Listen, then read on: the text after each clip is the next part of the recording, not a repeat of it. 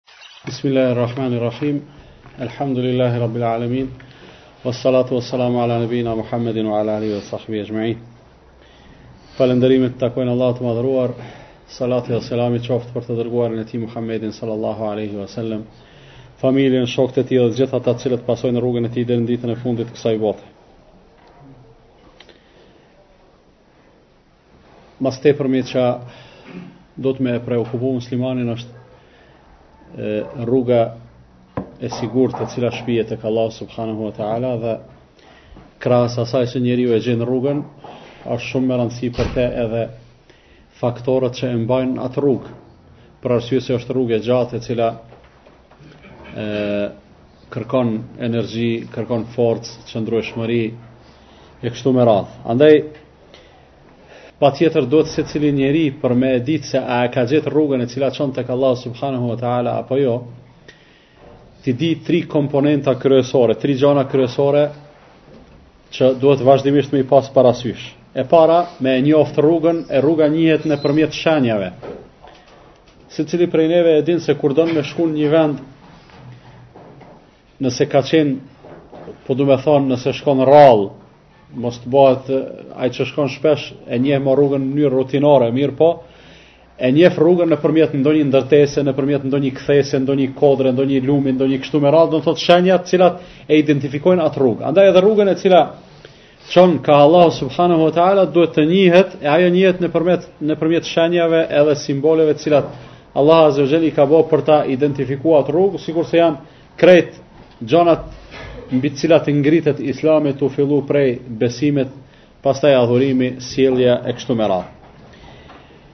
Pika e dytë, gjithashtu shumë e rëndësishme, është që njeriu të dijë se ajo rrugë nuk është e rrafshët edhe nuk është e lehtë për të hecur, ajo ka pengesa. Edhe njeriu duhet të jetë i përgatitur për t'u ballafaqu me ato pengesa. Ka disa gjona të cilat njeriu për nga natyra i bart në vete, natyra e tij është e atillë që nuk e len atë që të mbetet gjithnjë stabil. Ka nganjëherë disa dëshira të ulëta i paraqiten, disa epshe, disa kështu me radhë, në anën tjetër shejtani është ai i cili kujdestaron vazhdimisht për të mos e lanë njeriun me arrit aty ku duhet e kështu me radhë. Edhe e treta E, zemra e muslimanit duhet përfundimisht të jetë e lidhur me synimin përfundimtar.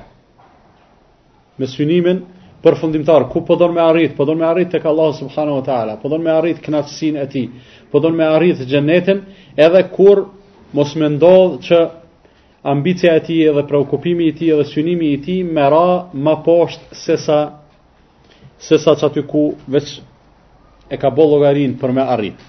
Sidoqoftë, këto janë tri gjana të cilat në mënyrë të përgjithshme duhet me i pas parasysh secili musliman. Mirëpo, do ta kemi parasysh se hecja në rrugën e Allahut azze ve xhel duhet të bëhet ma së shumti me mendje se sa me çdo gja tjetër. A në të vërtetë ne e dimë se njeriu është një krijesë e cila gjatë jetës edhe aktivitetit të vet ballafaqohet me veprime të cilat nganjëherë burojnë nga mendja, po nganjëherë burojnë edhe nga emocionet.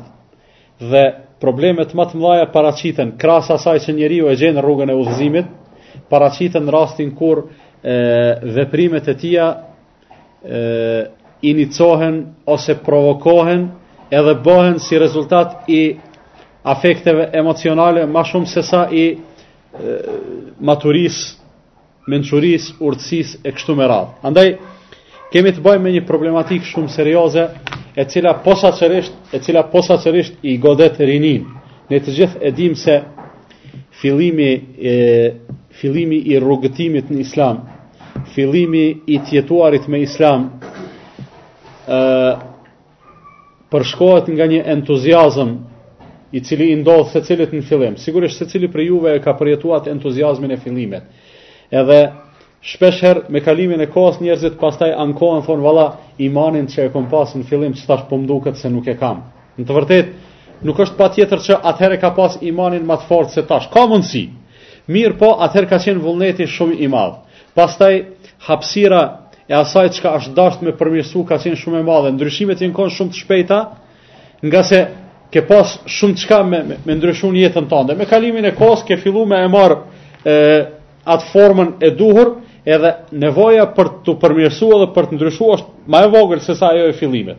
Në anën tjetër edhe entuziazmi bjen Për arsye se njeriu fillon me e kuptu se kjo rrugë nëse ecet nëpër te, vetëm me entuziazëm, shumë vështirë e ka njeriu me arrit aty ku duhet.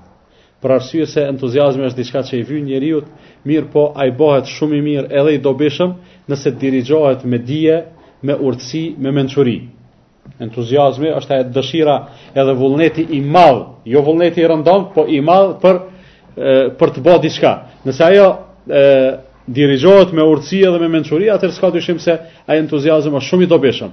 Mirëpo nëse ekziston vetëm entuziazmi, Ose po themi ekziston vetëm trimëria, ose vetëm dëshira dhe vullneti për të bo diçka. Mirëpo kësaj nuk i bashkangjitet dituria, mençuria, urtësia. Atëherë s'ka dyshim se suksesi nuk është i garantum. Bile mundemi me thon logjikisht se sa ka mundësi me ja qëllu, qaq ka mundësi, Edhe me gabu. Kur e ban një punë me entuziazëm, mirëpo nuk e din se a është e qëllume apo nuk është e qëllume. Andaj shpeshherë ne ballafaqohemi me faktin se gjindemi në udhkryq mes asaj a të bajmë veprime, a të ndërmarrim hapa të matur, edhe të mençur, edhe të menduar mirë, apo t'u përgjigjemi ngacmimeve të emocioneve, të entuziazmit, të euforisë, edhe qanej kah të na çojnë ndjenjat tona edhe emocionet tona, qashtu duhet të, të veprojmë. Në të vërtetë, nëse i kthemi të kalurës, nëse i kthemi historisë islame, do të vërejmë se Edhe njerëzit e mirë para neve kanë bo veprime që nëse i shikojmë sipërfaqësisht e vrejmë se ndoshta na duket se veprimet e tyne kanë buru prej entuziazmit edhe prej emocioneve. Ndoshta na shkon mendja se edhe veprimet e disa pejgamberve kanë qenë të kësaj natyre. Mirëpo, do ta shohim pak ma vonë prej një shembulli të Ibrahimit a.s. se nuk ka qenë kështu. Për fillim, për ta pa se çfarë entuziazmi Edhe çfarë emocione, edhe çfarë vullneti kanë pas sahabët e Resulullah sallallahu alaihi wasallam, posaçërisht në fillimin e praktikimit të tyre të islamit, e pastaj qysh islami i ka gdhend ata njerëz dhe pastaj janë bërë shumë të matun. Po e marrim një personalitet shumë interesant, ai është Omer ibn al-Khattabi radiallahu ta'ala an. E dini se Omer radiallahu ka qenë njeri shumë i gjallë, një njeri Shumë i guximshëm, një njeri shumë i fortë në karakterin dhe në personalitetin e tij. Në atë moment kur e ka pranu Islamin Omer radiallahu an, ai menjëherë ka, ka kërku prej Resulullah sallallahu alaihi wasallam me bo ndrrime. A është qështu apo jo? Si si e ka pranu Islamin? I ka thonë pejgamberit sallallahu alaihi wasallam, pse po fshihemi? A jemi në hak? Po. A janë ata në batil, në të kotën, të pavërtetën? Po. Atëherë pse po mshehemi? Hajde dalim. Hajde dalim haptas. Edhe kanë dalë haptas. Domethonë kjo është se Omeri radiallahu an në fillim të jetës tij dhe në fillim të islamit tij ka qenë shumë euforik. Mirëpo, Resulullah sallallahu alaihi wasallam Omerin radiallahu an e ka ndigju respektivisht i ka miratu qëndrimet e tij vetëm atëherë kur e ka pas mirë. Në anën tjetër, ne e dimë se për me qenë një njeri garant, apo i garantum se e ka mirë, se çdo veprim i tij është i qëllum, ai çka duhet me, çfarë kushti duhet me plotësu? Me qenë i dirixhum me shpallje, a qështu apo jo? Për këtë arsye, vetëm veprimet e pejgamberve janë të qëllume. Krejt njerëzit tjerë, veprimet e tyne i nënshtrohen kritikës. Kur them kritikës e kam për qëllim kritikën atë kuptimin pozitiv. Mundëm me e kqyr, a ja ka qëllu, a s'ja ka qëllu filani dhe fisteku. Ndërsa për Muhammedin sallallahu alaihi wasallam apo për pejgambert e mëhershëm, s'mundëm me thonë a ja ka qëllu, a s'ja ka qëllu për arsye se ata ja kanë qëllu gjithçysh, se Allah azza wa nuk ka leju që ata me bo veprime të pamatuna. Omer radiallahu an ka qenë euforik, për arsye se ka qenë shumë guximtar, ka qenë trim i madh. Pastaj edhe Islamin e ka marrë me një seriozitet shumë të madh, saqë ka qenë gjendje krejt çka ka me sakrifiku edhe jetën e vet, edhe shpirtin e vet, vetëm e vetëm për me ngrit Islamin. Mirëpo kjo gatishmëri, prap po e përsëris. Gatishmëria e Për ta praktiku islamin, gatishmëria për të dhanë gjithçka për islamin, nuk është garant se çkado që të bëjsh ki me ja qëllu. A po e kuptoni qëta? Njeriu e merr islamin me sinqeritet të madh. Edhe, thotë unë për islamin jam gjendje me bo gjithçka, me dhanë krejt çka kam. Kjo nuk është garant që krejt çka të bëjsh ti mirë e ki. Ose nganjëherë, krejt çka të bëjsh për islam ja ke qëllu, nganjëherë njeriu niset me qëllim të mirë, mirëpo e ban veprimin të pamatun edhe e ban gabimisht. Omer radiallahu an e ka pas një një qëndrim interesant. E, jo rallë, ka disa transmitime të cilat tregojnë që në raste të ndryshme, Omer radiallahu an ka shku te pejgamberi sallallahu alajhi wasallam dhe i ka thonë çka? Lem t'ja heki kokën këtij munafiku. Ose lem t'ja heki kokën këtij armiku të Allahut azza wa jall. I dini këto raste, edhe ai përnjëmend e ka pas. Mirëpo, ky njeri i madh, ky njeri i guximshëm, ky njeri entuziast. Çka është një karakteristikë e tina? As një veprim nuk e ka ndërmarr, qoftë edhe ato kur kanë buru prej entuziazmit, pa u konsultu me Muhammedin sallallahu alaihi wasallam. Që kjo është e disiplina e e e sahabeve dhe e muslimanëve të mirë. Ne edhe sot e kemi shumë problem çështjen e entuziazmit të prum edhe të euforisë te te te muslimanëve posaçërisht te rinia, te një pjesë të tyre normalisht. E kemi problem. Mirëpo te disa, te disa, ai vjen edhe të pyt edhe thotë jam gjendje me bo këto edhe këto kur i tregon se një veprim i tij i atillë është i pamatun, ka raste kur edhe pse të ka pyt, nuk dëgjan. Edhe pse ka pyt nuk disiplinohet. Ndërsa Omer radiallahu an është e vërtetë se ka qenë entuziast, ka qenë trim, ka qenë kështu me radhë, mirëpo e ka dit, e, ja ka dit hallin vetes. E ka ditë kaçikun e vet. Edhe është konsultuar me Muhamedin sallallahu alaihi wasallam, edhe kur i ka thënë Resulullah sallallahu alaihi wasallam, kjo është gabim, ai ka hek dorë pej qëndrimit t'vet, edhe i është përmbajt udhëzimit të Muhamedit sallallahu alaihi wasallam. Qe po ju tregoj një rast interesant. Kur është bën marrëveshja e Hudejbijës, e dini në çfarë kushte edhe çka është shkru në atë marrëveshje. Një prej pikave dhe akteve të asaj marrëveshje, ka qenë se kush prej mekelive e pranon islamin, edhe vjen emigron te Muhammedi sallallahu alaihi wasallam, Muhammedi sallallahu alaihi wasallam e ka obligim me e kthy në Mekë. Për çka me e kthy në Mekë? Ha? Për me e torturu mushrikët. Po ka qenë marrëveshje me një lloj të kompromisit në diçka që ka qenë formale. Ndërsa kush prej prej muslimanëve e lën Islamin dhe shkon te mushrikët, ata s'e kanë obligim me e kthy. Edhe disa pika tjera që Omerit radiallahu anhu ju kanë dukë se janë të padrejta, edhe ju ka dukë se është kompromis i pavend. Edhe ka ardhë te Muhammedi sallallahu aleyhi sallam, edhe i ka thonë, ja Rasulullah, a jemi na në të vërtetën e ata në të pavërtetën, po. Ka thonë, e pse po lejojmë na me u nënçmu para mushrikëve? Resulullah sallallahu alaihi wasallam ka thënë hajt mos mos lodhu për këtë punë se unë e di më mirë se ti. Për njëmend t'ish kon bie fjala dikush tjetër, jo pejgamberi i Allahut. Kish pas ndoshta hapësirë me i thon kadale se kjo ndoshta s'është e drejtë. Mirëpo Muhamedi sallallahu alaihi wasallam i dirigjuar me shpallje, Allahu s'e len me gabu. Pastaj ka shkuar Omer radhiyallahu te Abu te Abu Bekri. Ka thon ja Resulullah, a jemi na kështu ata kështu po, e pse kështu? E Ebu Bekri atëherë ka fillu me ia shpjegu, kadale Omer, se ai është pejgamber i Allahut, Allahu kurrsesi nuk lejon, që ai me vepru, diçka çka s'do të me vepru, e kështu me radhë. Ka qenë që ai ka qenë këmbëngulës Omeri radiallahu anhu, mirëpo e ka marrë vesh se e ka pas gabim. Se veprimet edhe qëndrimet e të dërguarit të Allahut sallallahu aleyhi ve sellem, nuk i nënshtrohen kritikës, edhe nuk i nënshtrohen kurrfarë peshoje, që me thonë Allah, a e ka mirë, a s'e ka mirë. Thojnë, thotë edhe Omeri edhe qëndron në transmitime, pas asaj kohë, domethënë në atë moment ka bë istigfar për ngutinë që e ka pas. Shumë problemi i madhë është ngutia edhe nxitimi, të nderum vllazën. Edhe ka dallim, sigurisht ju dini me bo dallimin mes shpejtësisë edhe ngutisë. Apo, tjetër është me e kry një pun shpejt edhe mirë, tjetër është me u ngut edhe me nxitu edhe me e kry keq. Pra atë nguti Omeri radiallahu anhu ka bo istigfar, ka bo teube, ka kërku prej Allahut azze ve xhel falje. Pas asaj, thot, sa herë ju ka kujtu ai rast, sa herë ju ka kujtu ai rast, ai prap ka bo istigfar, ka dhonë kefaret, ju ka dhonë sadaka njerëzve, fukarave, për kompenzim, për atë keqe që e ka bo, nëse ka pas mundësi, thot edhe ka liru ndonjë rob aty këtu. Do thonë sa herë që iu ka kujtu ma vonë një gjë e tillë. Omeri radiallahu anhu pra ka qenë ai njeriu i cili i cili e, ndoshta të dytën lëvizja e ka pas e ka pas me e kap shpatën në dorë. Ka ardhur një njeri te Muhamedi sallallahu alaihi wasallam. Është fjala për fillimin e Omerit, masanej do ta marrim do ta marrim edhe ma vonë kur e ka gdhend Islami. Ka ardhur një jehudi te Resulullah sallallahu alaihi wasallam, e dini rastin e atij jehudiut i cili ka ardhur me ja lyp Muhamedit sallallahu alaihi wasallam borxhin, ka marrë diçka hua prej tij Muhamedit sallallahu alaihi wasallam, jo për vete, për musliman, edhe ka ardhur ai jehudia në mënyrë provokative. I ka thonë o Muhammed, edhe e ka kapë edhe e ka shkund. Pse s'po e kthen borxhin ju me të vërtetë ti dhe familja jote ishit të njoftun që po e vonojshit borxhin. Atëherë Omer radhiyallahu anhu menjëherë ka kapë edhe e ka nxjerr shpatën. Ka thonë unë ty tash ta pres kokën. Megjithatë Muhammedi sallallahu alaihi nuk e ka leju.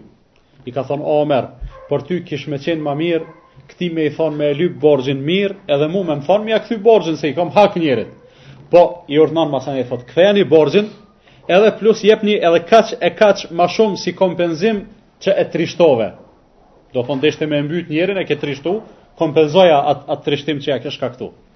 Masanej kur po shkojnë me e marr ai hakun e vetë, Po i thotë Omerit radiallahu anhu, po i thotë Omer, a po m'njeh kush jam unë, thotë jo, thotë unë jam Zejd ibn Sa'ne, një jahudi prej jahudive, një prej dijetarve të jahudive të asaj kohë. Ka thonë, çka të shtini me vepru ashtu, njeri me autoritet, pavarësisht pse qafir, po me autoritet. Thotë vallahi, thotë e kam gjetë në ta librat tonë, I kam gjetë krejt karakteristikat edhe cilësitë e Muhammedit sallallahu alaihi wasallam.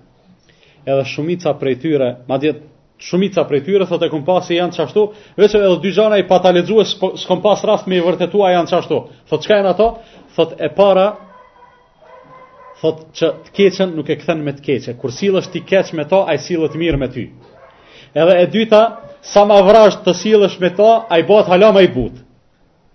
E thot, me këtë rast i vërtetova edhe këto dyjat edhe dëshmoj se Allahu është një përveç të cilit nuk ka të drejtë më adhuru askush, edhe se Muhamedi sallallahu alaihi wasallam është i dërguar i tij. Është bë musliman me çat veprim. Pra, shiqojeni maturinë e Resulullah sallallahu alaihi wasallam, edhe shiqojeni nxitimin e Omerit radhiyallahu ta'ala anhu. E raste të tjera, e raste të tjera do të thotë që kanë ndodh kanë ndodh shpesh në jetën e Omerit radhiyallahu anhu. Mirëpo, Mirëpo, Omeri radiallahu anhu thash karakteristikë e tij ka qenë se kurrnjëherë nuk ka ndërmarrë ndonjë veprim të ngutshëm, kurrë nuk ka ndërmarrë ndonjë veprim të ngutshëm pa u konsultu me Muhamedin sallallahu alaihi wasallam. Bile nuk i ka ndodh ndonjëherë Omerit radiallahu anhu me i thon Muhamedit sallallahu alaihi wasallam pse u ngute ose pse bone kështu, pasi që ta ketë kry ndonjë veprim. Pra, nuk ka vepru pa qenë i sigurt Omer radiallahu. Edhe kur, kur ka qenë i vum në lëvizje prej emocioneve të veta, prej entuziazmit, prej euforisë, prapë se prapë ka qenë i konsultuar dhe i lidhur me Muhamedin sallallahu alaihi wasallam. Lem t'ia heki kokën. Pra, nuk ja ka hek kokën askujt. Sikurse ka ndodhur rasti për shembull me Usame ibn Zeidin, radiallahu anhuma,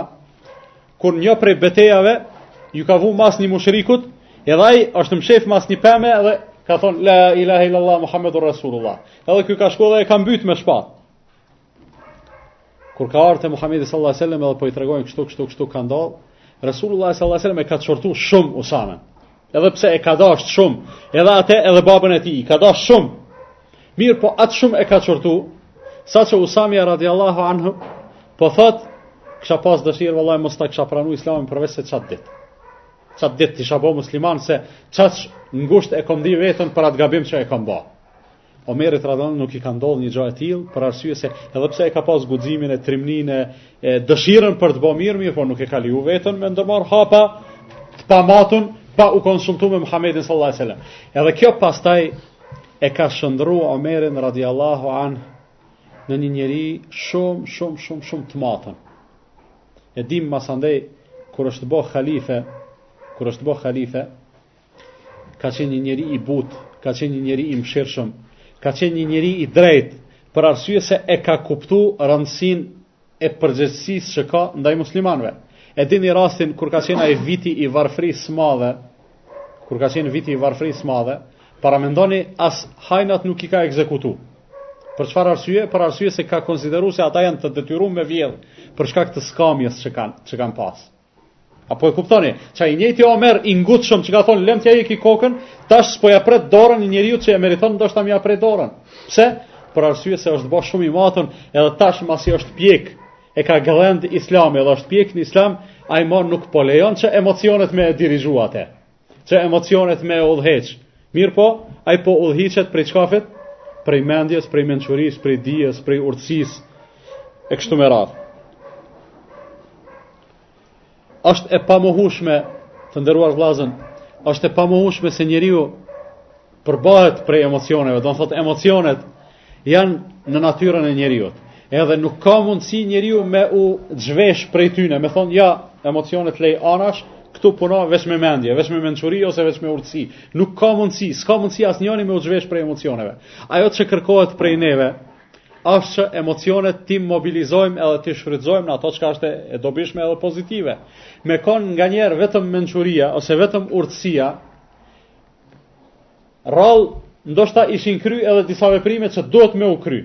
Për çfarë arsye? Për arsye se njeriu veç me mendje kur logjikon krahas përfitimeve dhe dobive ka mundësi me i matë edhe pasojat. E kur i kshyr njeriu pasojat, kur i kshyr pasojat, atëherë, atëherë, Lind edhe frika, valla nëse e ndërmarr filan hapin, ë po bëhet kështu ose po më humb koha ose po më humb rasti me punu diçka me fitu diçka materiale për kësaj dunjaje ose kështu me radhë kështu, ose kështu me radhë. Mirëpo Allah azza jall çashtu e ka e ka kriju njeriu që me qen pjesë e natyrës së tij, edhe urtësia me qen edhe emocionet, ku të dyja duhen me me qen të shfrytëzuar edhe të mobilizuar në hajr edhe në mirësi edhe në rrugën e cila çon kah Allahu subhanahu wa taala. Pra, emocionet nuk duhet të mbyten, emocionet nuk duhet të flaken, nuk duhet njeriu të zhveshet prej tyre, por ato duhet të mobilizohen në ato çka i bën hajr, i bën hajr njeriu muslimanit posaçërisht. Normal, ajo e cila ma së tepërmi u shkakton dam njerëzve,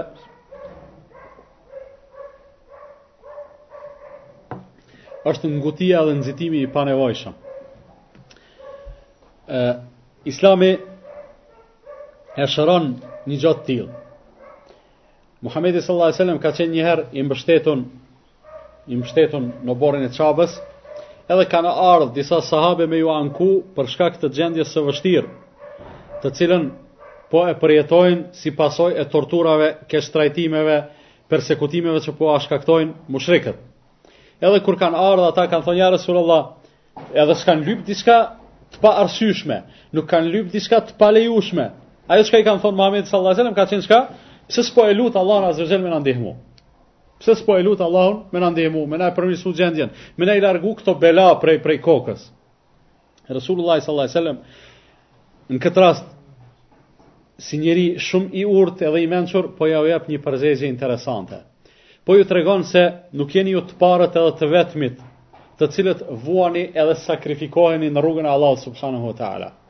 Po ju tregon se ka pas njerëz para juve, të cilët për shkak të kësaj feje dhe të këtij besimi, thotë janë janë pre me sharrë dy pjesë.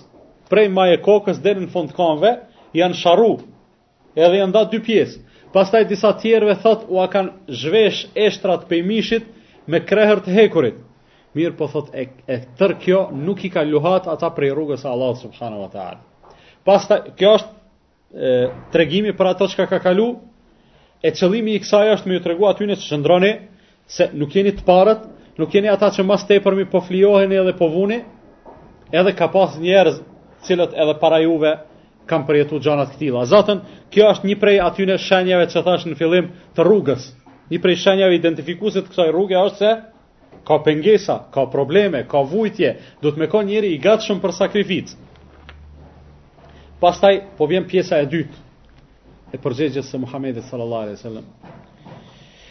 Po thot edhe do të vijë një kohë tash paralajmërimi për të ardhmen.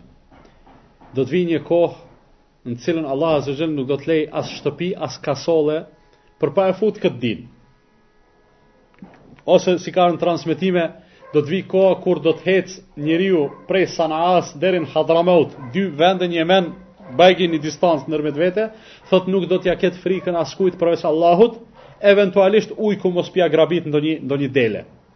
Domethënë siguri e plotë, mirësi, jetë e qetë edhe me Islam. Po i paralajmëron për të ardhmen çka ka me ndodh. Mirëpo po i thot wala kinnakum Qaumun testa'jilun. Mirpo ju po nguteni, ju jeni kah nxitoni. Çka është nxitimi? Sipas këtij hadithi, Resulullah sallallahu alaihi wasallam veç kërkesën e sahabeve që ka qenë shumë fisnike, Edhe shumë me vend. Nuk e ka diskutuar se se është me vend që të kërkoj prej Allahut Azza wa Jall ndihmë edhe edhe fitore. Zatën nuk do të thotë se Resulullah sallallahu alaihi wasallam edhe nuk e ka bënë gjë të tillë. Na të gjithë e dimë se gjatë gjithë periudhës mekase kemi transmitime ku Muhamedi sallallahu alaihi wasallam ka kërkuar ndihmë dhe mbrojtje prej Allahut azza wa jall. Gjatë gjatë gjithë kohës. Mirëpo kur kanë ardhë ata me i thënë ja Resulullah, a s'po kërkon ndihmë për neve, sikur me pas dashtë me ju thënë atyne që ju mos u mërzitni për këtë punë, unë jam për këtë punë, mirëpo ju mos nxitoni, mos u ngutni. Nëse Resulullah sallallahu alaihi wasallam e ka quajtur nxitim një veprim i cili në esencë është i mirë edhe me vend. Atëherë, atëherë Çka do të quhej edhe ku do të bënte vend, ku do të zinte vend veprimi i ndonjërit prej muslimanëve në kohën e sotme, i cili shumicën e veprimtarisë së vet, edhe pse si musliman, edhe pse i kryen ibadetet e obligimet e kështu me radhë, shumicën dërmuese të aktiviteteve të veta e ban i dirigjum edhe i udhëhequr nga emocionet e veta.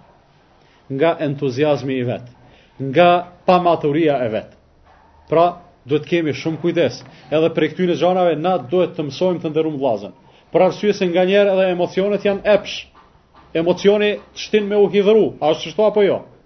Për shkak të natyrës emotive që ka, të ndjeshmërisë emotive që ka njeriu, hidhrohet edhe zemrohet. A nuk është prej gjanave ma të mira në Islam njeriu me e përmbajt veten kur zemrohet? A nuk ka Përgëzu Resulullah sallallahu alaihi wasallam se ai njeri i cili zemrohet edhe ka mundësi me e shfry zemrimin e vet. Ka mundësi me ndërmarr diçka, por e përmban veten. Allahu azza jall do ta bëj atë që të zgjedh prej hurive në ditën e gjykimit çka don. Do thon krejt këto nuk janë të rastësishme. Njeriu duhet të edukohet, muslimani duhet të disiplinohet edhe të mos lejojë që frejt e jetës së tij T'i kapin emocionet, ngutia, entuziazmi dhe nxitimi. Edhe wallahi, nëse ajo çka Resulullah sallallahu alaihi wasallam ka thon për sahabët se është nxitim, ju po nxitoni, ju po nguteni, nëse kjo është nxitim, atëherë atë çka bëjmë na Allahu na ndihmoft se shumica prej veprimeve tona sigurisht se nuk janë të matura aq sa duhet. Kjo do të me na ngacmu vllazën. Një gjë e tillë do të me na ngacmu që ne të mos ngutemi, të mos nxitojmë, edhe të mundohemi edhe atëherë. Edhe atëherë kur na kaplojnë emocionet, edhe atëherë kur ndoshta na rrjedhin lotët për shkak të asaj çka shohim e çka ndimë e çka përjetojmë, edhe atëherë mos me lën pa e trokit derën e Resulullah sallallahu alaihi wasallam. Sikurse ka vepruar Omer radiallahu anhu, nganjëherë i ka kushtu zemra me mbyt dikën, mirëpo nuk e ka ndërmarr atë hap për pa marr leje prej Resulullah sallallahu alaihi wasallam e ai Sikurse e dimë, nuk e ka leju me e bën një gja të tillë. Edhe normalisht se përderisa iu ka iu ka përmbajt udhëzimeve të Muhamedit sallallahu alajhi wasallam, ai ka vepruar ashtu qysh qysh është ma së miri. Çka do të thotë nxitimi?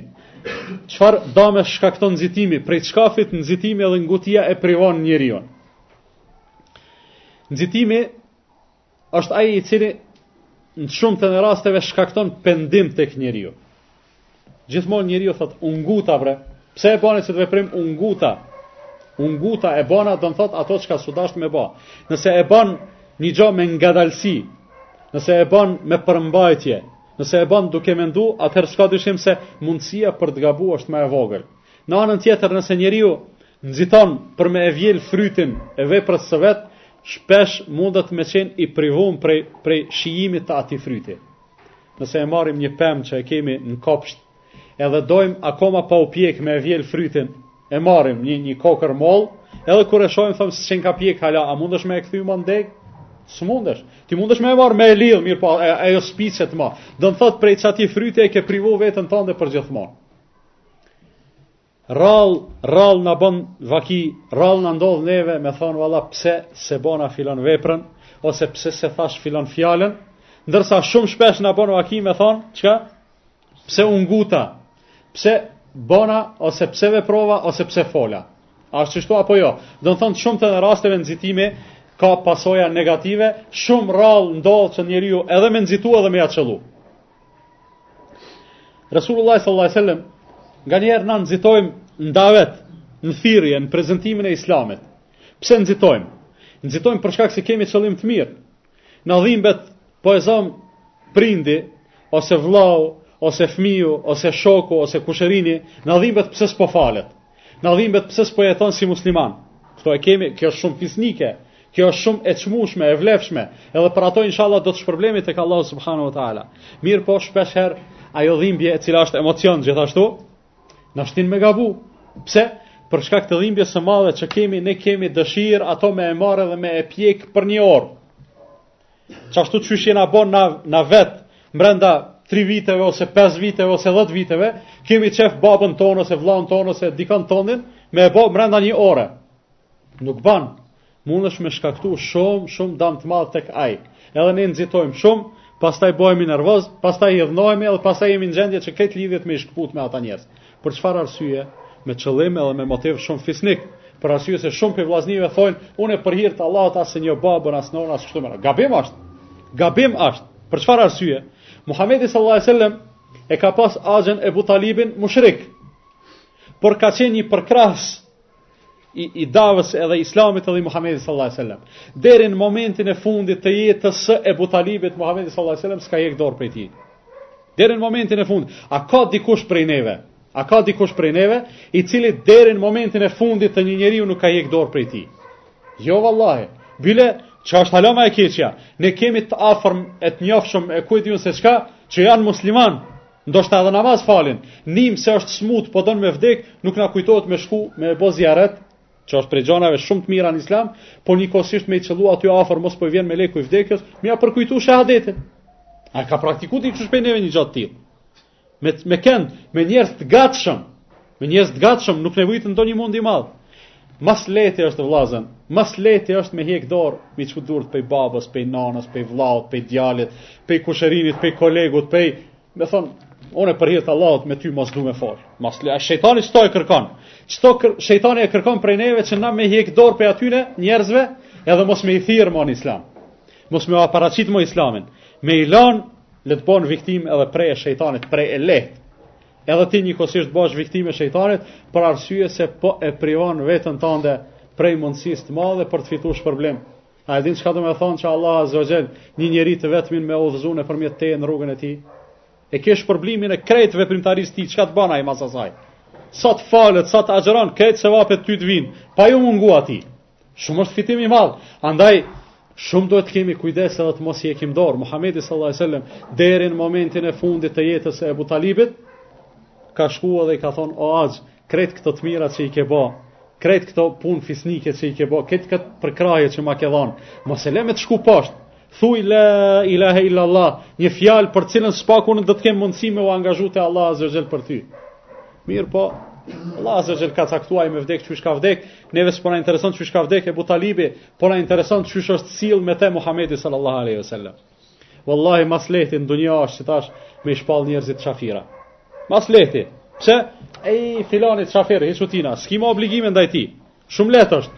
Ose thuj babës qafir, edhe nonës, edhe s'ki mo obligime ndaj tij, edhe pse kjo është e, defekt i dytë masandej i të kuptumit, për arsye se muslimanët e mirë përpara kanë ditë veten se kanë obligime edhe ndaj qafirave. A e dini rastin e Ebu Hurajrës radiallahu anh, i cili kur ka shku te shpia një ditë, nona e tij ka qenë mushrike, edhe i ka thonë një fjalë për Muhammedin sallallahu alaihi wasallam, e cila fjalë e ka pikllu shumë Ebu Hurajrën. E ka bo me qajtë, edhe ka ardhë duke qajtë te Muhammedi sallallahu alaihi wasallam. Ka thonë, ja Rasulullah, nona jem foli qështu, qështu, unë u pikllova shumë, ma s'pari u pikllova shumë se ty t'du ma shumë se ato, edhe foli keq për ty. Po u pikllova gjithashtu shumë se e du shumë nonën time. E s'po kom qejf që ajo me u bo e atillë. Andaj ja Resulullah, lute Allahun azza xhel, që Allahu ta udhzojë nanën time.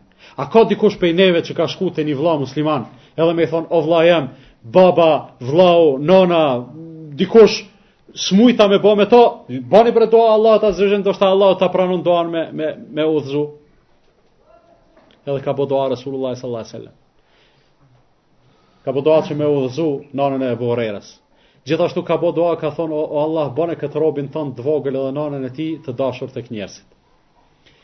Paramendo, pej aty deri n'shpi deri sa ka shku Ebu Hurejre, po don me hap derën me hi mrenda, po i thotë, prit mos hyn se jam e nxonë, nana e vet. po e ndëgjon ujin duke u derdh, po thot hyn tash. Është pastru, është la, edhe po e shqipton shahadetin para djalit vet. Cili prej neve ka ksi preokupime? Për atë për atë arsye po them edhe ndaj mushrikëve, mushrik me i pas në familje, duhet me u sill qysh u sill Ebu Hurejra, qysh u sill Muhamedi sallallahu alajhi wasallam me axhën e vet. E jo me u sill qysh sillen shumë prej të rinjve muslimanë. Fatkeqësisht, ndaj të afërmëve të vet, të cilët nuk thonë se janë mushrik, as nuk e shajnë Muhammedin sallallahu alaihi wasallam, as ndoshta edhe nuk flasin fjalë të kufrit, faji i vetëm i tyre është pse kanë jetuar një kohë kur s'kanë pas mundësi me u njoftu me Islamin.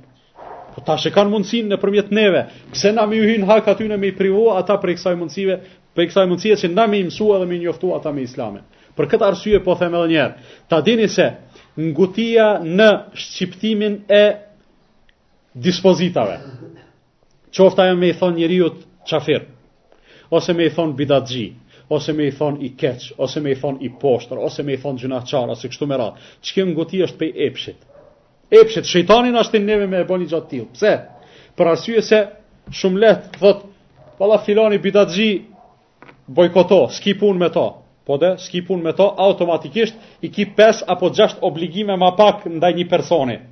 Nëse smuhet me e bo zijaret, nëse teshtin edhe thot elhamdulilah, me i thon jerhamukallah nëse kërkon e, kshillë, me e kshillu, nëse të thret me ju përgjigj, nëse vdes me ja përcjell xhenazen, ja, ai është bidatxhi, unë s'kam më obligime ndaj tij. Lehtë është, po e liron veten prej obligimeve, kjo është epsh. Pse njeriu pej epshit ik pej obligimeve. Prej epshit ka plot njerëz që e dinë se namazi është farz. Edhe është mirë me u fal, mirëpo pritojnë dembela përtaci. Pse ma lehtë me ndejt në kokërr të shpinës, ose me kshyr televizor, ose me bë atë, ose me bë atë, se me shku me u fal. Njëjtë është edhe kjo ngutia në shqiptimin e e e e fjalëve dhe etiketimeve për njerëzit. për arsye se po e liron veten tënde prej disa obligimeve që duhet me i bo, a Muhamedi sallallahu alaihi wasallam edhe njerëzit e mirë që e kanë shoqëru, edhe njerëzit tjerë të mirë që u kanë shku mbas atyne nuk kanë vepru kësisoj vllazën. Nuk kanë vepru kësisoj. Ngutia është ajo e cila të privon ty prej mundësisë për me fitu shumë tek Allahu subhanehu wa ta'ala. Posaçërisht në dave, e fillon ti davetin tënd, e fillon prezantimin tënd të fesë Allahut azze ue xhel, që është një, që është një gjo shumë fisnike, është një gjo shumë e vlefshme, e fillon me nijet të mirë dhe me motiv të pastër, për me e fitu knaqësinë e Allahut subhanehu wa ta'ala. Por çka ndodh? Duke bo muhabet, duke i shpjegu dikujt, Ai ta flet një fjalë e cila ty të provokon. Shejtani rrin i gatshëm. Bile në ksi raste shejtani më shumë ka punë me ty se ti je më i mirë, më më drejt. Te ti ka çka çka me arrit, çka me prish. Me ato nuk ka shumë punë. Edhe çka bën? Të bën nervoz. Edhe ti idhnohesh pre, prej asaj që e pate për Allahun, fillon edhe ti me u bo i keq sikur ai, ndoshta edhe më i keq. Fillon me u çirr, me bërtit, me ofendu, me sha, Edhe hjek dorë prej asaj pune të madhe, që ndoshta sikur të kishe bë sabër edhe pak, ndoshta kishe pas rastin me fitu shumë. Andaj nuk do të me ra në grackat e këtilla të shejtanit, nuk do të me ra në grackat të ngutisë, për arsye se ngutia është ajo e cila neve mundet me na me na kushtu shumë. Për shkak të ngutisë, edhe të pamaturisë, edhe për shkak të emocioneve njeriu nganjëherë ka ka prirje edhe me me u largu apo me dal prej asaj çka është e rëndomtë, me u bë diçysh si i jashtëzakonshëm. Në të vërtetë, kur të bësh musliman, posaçërisht në kohën e sotme, do e mos ki me u bë i jashtëzakonshëm. Shumica e djemve të rinj për shembull dalin mbrëmjeve, shkojnë nëpër lokale të natës nëpër kështu me radhë, ti s'shkon. Ma ndryshe je se ata. Shumica po e zom e vajzave të reja dalin, qysh dalin të veshun ato, ndërsa një motër muslimane del e mbulume dhe e veshun qysh i ka hije muslimanes, asht ma ndrysh, asht ma e jashtëzakonshme. Ato çka janë të rëndomta edhe që s'bon pa i bo, s'kemi çka diskutojmë për to. Mirëpo, asht mirë, asht mirë, që pa pas nevojë, mos me u dallu prej shoqërisë. A shumë me rëndësi që ta kuptojmë një gja. Ajo është që të mos krijojmë ne izolime Në mes neve edhe pjesës tjetër të shoqërisë, mes neve edhe njerëzve me të cilët jetojmë. Për arsye se ne kemi obligime ndaj tyne. E ato obligime nuk mundemi me arrit me i kry nëse krijojmë hendeqe, nëse krijojmë barriera. Ato barriera i krijon dikush na do të m'u mundu me i rrafshit, do të m'u mundu me i hjek prej rrugës, do të me komuniku, me kontaktu me njerëz përndryshe, përndryshe do t'u japim mundësi atyre të cilët na urrejnë, Do t'u japim mundësi atyre të cilët na urrejnë që ata pastaj me shpif për neve, me fol për neve çka të dojnë, edhe na mos me pas mundësi kurrë me e mbrojt veten tonë, as me e paraqit veten tonë ashtu si jemi. Pse? Mungesa e komunikimit. S'kemi s'kemi zë, nuk kemi e, zavans dikush që flet për neve dhe me thënë ngadalë se nëse një njeri Një, një djalë i ri e ka mjekrën ose i ka pantollat e shkurta ose ka kështu ose shkon xhami, ai nuk është njeri i keq. Ata krejt e dinë se nuk është njeri i keq. Krejt e dinë se mjekrroshi nuk vjedh. Mjekrroshi nuk plaçkit, nuk dhunon, nuk ta bën të keqen. Mirëpo shejtanët qat shumë kanë fry. në propagandat anti-islame, saqë prapëseprapë njerëzit kanë averzion, kanë një lloj frike, një lloj rezerve, ndaj atyre të cilët e praktikojnë islamin. Ajo, nuk po them se nuk është e organizume, as nuk po them se na e kemi shkaktu, mirëpo nganjëherë, nganjëherë, na i kontribuojmë asaj me tërheqjen tonë, me izolimin tonë, me inferioritetin tonë, me moskomunikimin tonë me, me, me shoqërinë. Andaj duhet të jemi komunikativ për arsye se nuk ka mundësi ndryshe me jetu si musliman përveç se duke komunikuar me njerëz. Muhamedi sallallahu alaihi wasallam kur e ka fillu islamin, ai ka qenë muslimani i parë. Ashtu apo jo? Tani i ka besu gruja e tij Hadixhja, Aliu radiallahu anhu, Ebu Bekri, pak njerëz, me u pas izolu veç me qëta 4-5 vetë, Nuk ish zhvillu islami. Mirëpo Muhammedi sallallahu alaihi wasallam përkundrazi, nuk ka lon vend ku ka pas njerëz pa shku edhe me bisedu me ta. Nuk e kanë pranu të gjithë. Nuk e kanë prit të gjithë të mirë. Përkundrazi, 13 vjet ose 15 vjet thuj më mirë deri në betejën e Bedrit, shumica e njerëzve e kanë prit keq. Mirëpo ka pas sabër Muhammedi sallallahu alaihi wasallam. Kur ka ardhur puna e çlirimit të Mekës në vitin e 8 Hixhretit, çka ka ndodhur? Është kurorzu krejt qaj sabri 21 vjeçar i Muhammedit sallallahu alaihi wasallam, me çka? Me një sukses të madh. S'ka pas nevojë ma me shku derë m'derë. Krejt njerëzit kanë ardhur te ai me grupe të mëdha. Wa ra'aytan nas yadkhuluna fi dinillahi afwaja. Ke me i pa njerëzit qysh hin në dinin e Allahut azza wajel grupe grupe. S'ka shku më me i thirr. Herët e ka mbjell at farë, tash veç është ndalë dhe po i shijon frytet. A po e kuptoni? Pra sabri edhe komunikimi me njerëz, edhe qëndrimi stabil në rrugën e Allahut Azza wa Jall, duke e pas parasysh se rruga e Allahut është një stazë e gjatë. Nuk nuk është me me një vjet e dy vjet, me kenë me 5 vjet e me 10 vjet, kallaj thot njeri 10 vjet bëj sabër. A i ke pa njerëzit nëpër burgje rrin 10 vjet edhe 20 vjet. Kur del thon njerëz qysh mujte bre 10 vjet me nejt në burg, a thot bona sabër edhe kalun. E disha se është kalimtare.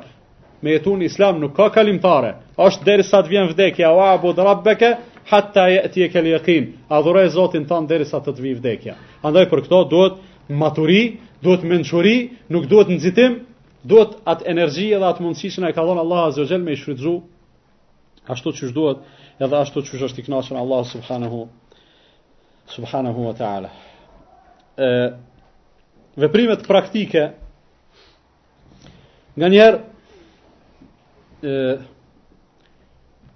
nefsi vetë, shpirti vetë, anon ka ajo çka është ma radikale, çka është ma e shpejt, hajt t'i ndrroj qëta, ama mrenda natës t'i ndrroj, nuk mundesh, nuk mundesh me i ndrru gjanat mrenda natës, zaten një gjo e cila ndryshohet gradualisht, edhe ngadal ngadal, Mirëpo, në vazhdimësi, është shumë ma e mirë edhe shumë ma stabile sesa ajo e cila ndryshohet në mënyrë revolucionare. A i keni pa revolucionet kur ndodhin nëpër botë, gjithmonë ka nevojë pastaj me formu një gardë, që i thojnë garda revolucionare, për çka? Për me e mbrojt at revolucion, se është bo me dhunë, Nuk është bë gradualisht, përderisa ato ndryshime të cilat bëhen në mënyrë të ngadaltë, nuk ka nevojë për ndonjë gardë të veçantë për me i rujt frytet e asaj.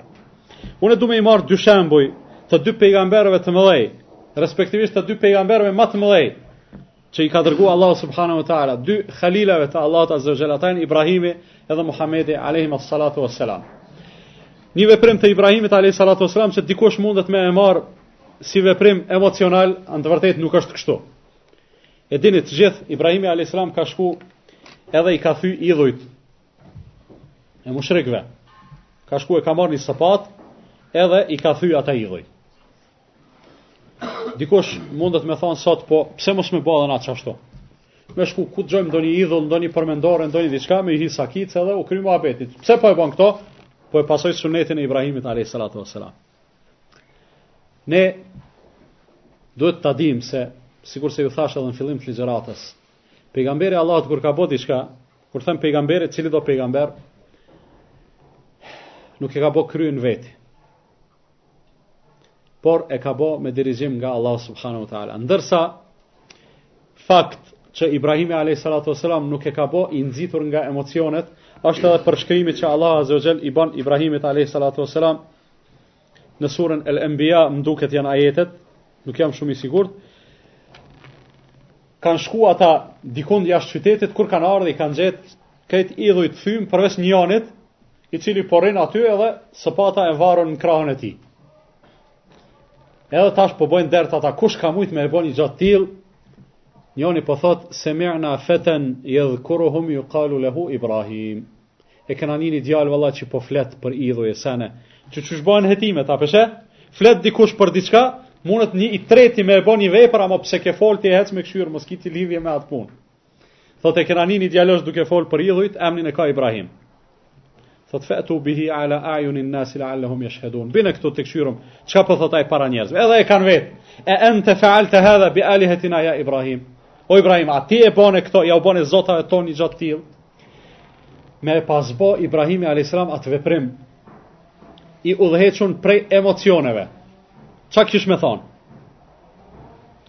Kish me thonë po, unë e bona. Unë i theva edhe juve jau thej kryt me dasht. Po s'e ka thonë një gja të tillë. Ça ka thonë? Bel fa'alehu kebiruhum hadha fes'eluhum in kanu jantikun.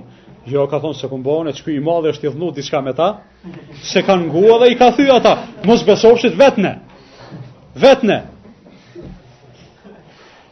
Qka, pej ksaj përgjegjes të Ibrahimit, a.s. do të mësojmë shumë vllazën. Ibrahimi alayhi salatu wasalam i theu ata idhuj veç pse deshti me ardh deri te qikjo pikë. Jo për me i hjek ata fizikisht se babën e ka pas mjeshtër të atyne, i ka thy ata i maron apet, bile për kundra zi fiton pare. Mirëpo deshti me ardh e me çel polemikë. A, a meriton more burrë me i bë ibadet dikujt që as nin, as sheh, as flet, as din me të dhonë përgjigje. Do thonë, deshti me ardh te hapja e bisedës, e cila, rezultati i cilës ka me qenë kotësia e, e, e trajtimit të atyne idhujve për zota. Pra, Ibrahimi a.s. simbas kësaj përgjegje nuk e ka bo një gja të tillë, e, me emocione, po e ka bo me mençuri Shumë, shumë, shumë të madhe. Pse ka qenë pejgamber i dirigjum me shpallje nga ana e Allahut subhanahu wa ta'ala. Në anën tjetër, Muhammedi sallallahu alaihi sallam, 20 vjet pejgamber, asnjë idhull nuk e thej. Asnjë idhull nuk e ka thy. 13 vjet në Qabe, o shku Muhammedi sallallahu alaihi sallam, ka bo tavaf, është fal, është fal në Qabe, në oborrin e Qabes është fal. Edhe atëherë kur e ka pas kiblën ka Beitul Maqdisi, çka ka bë? Është kthy, ka dal ku është vija në mes Bejtul Makdisit edhe Qabes, i ka dal Qabes mrapa që me i pas kiblet të dyja, ka pas qef ka Qabja m'u kthy. Ama në Qabe 360 idhuj janë kon. 360 statuja. Megjithatë është fal Muhamedi sallallahu alajhi wasallam. Nuk i ka thy deri kur deri në ditën e çlirimit të Mekës. Deri në atë ditë kur s'ka pas më kush m'u çu me i thon hej o burrë more se je ka bën për xhami ose je ka bën kështu ose je ka bën kështu. I ka thy pasi që fillimisht i ka çrënjos ato prej zemrave të njerëzve. A kur ka fillu Muhamedi sallallahu alajhi wasallam i çrënjos ato prej zemrave të njerëzve? Kur prej ditës së parë. Prej fillimit ka fillu me ju tregu qysh vetëm Allahun duhet me adhuru, qysh këto tjerat janë të kota, nuk bëjnë dobi, nuk bëjnë dëm, anej knej, domethënë krejt ato mirëpo e, ballafaqimin fizik me ato nuk e ka praktiku përderisa nuk ka qenë e nevojshme. Që kjo është maturia edhe urtësia e pejgamberëve të Allahut, edhe Ibrahimit, edhe Muhamedit alayhim salatu wassalam. Normal, është shumë e vështirë edhe nuk kemi ndonjë peshojë e cila në mënyrë automatike mundet me na tregu një veprim i caktuar, athua është i motivuar prej a buron prej urtësisë apo është i motivuar prej emocioneve. Vështirë është një gjë e tillë se me e ditë njeriu se edhe kur flasim s'e dimë a po flasim me emocione apo flasim prej mençurisë që kemi. Por ne duhet të angazhohemi sa më shumë për t'u njoftuar me dinin e Allahut subhanahu wa taala. Njëkohësisht duhet të mundohemi duhet të mundohemi që e, veten ta disiplinojmë edhe lëvizjet tona t'i trajnojmë edhe t'i automatizojmë në atë mënyrë që në atë mënyrë që ato të bëhen automatike mirëpo gjithmonë gjithnjë me kon islame.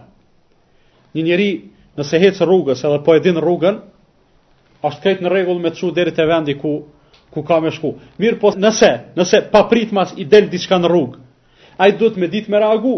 Nëse është po e zon shofer i ri edhe i papërvojë, ka mundësi e lun timonin djathas ose ose majtas edhe bjen nën rrugë. Mirëpo nëse është shofer i shkathtë, edhe refleksat e tij mo kanë kalu në automatizëm, ai është në gjendje me ndihmën e Allahut azza wa jall, me vepru ashtu siç duhet. Muslimani duhet me u eduku në kësi shkathtësie. Kur njëherë edhe kur janë veprime që ndoshta burojnë prej emocioneve, prap me qenë të matuna, prap me qenë me vend, që ashtu qysh kanë qenë veprimet e Omer ibn Khattabit edhe, edhe njerëzve të mirë të cilët e kanë praktiku islamin ashtu si duhet. Andaj, duhet të mundohemi maksimalisht të zhvishemi prej epsheve, prej animeve të ulta, prej dëshirave të ulta të cilat na shpijnë gjithnjë vetëm ka ajo e cila është më e lehta, Më e lehta plus më e damshmja njëkohësisht. Se Muhamedi sallallahu alajhi wasallam ai vet vetiu kur i është kur i është dhënë mundësia me zgjedh mes dy gjanave, ai ka zgjedh më të lehtën. Mirëpo e ka zgjedh më të lehtën përderisa nuk ka qenë e keqe, nuk ka pas dëm n'ta, nuk ka qenë mëkat. A nëse ka qenë mëkat Muhamedi sallallahu alajhi wasallam ka ikë më shumë ti prej saj më shumë se çdo njeri tjetër. Allahu na dhuroft urtësi edhe mençuri të mjaftueshme për me i pas gjithnjë nën kontroll veprimet tona e në mënyrë që ato t'i orientojmë edhe t'i drejtojmë andej ka është i kënaqur Allah subhanahu wa taala e them këtë që dëgjuat edhe kërkoj falje prej Allahut për vete dhe për ju andaj edhe ju kërkoni falje se Allah është falës dhe mëshirues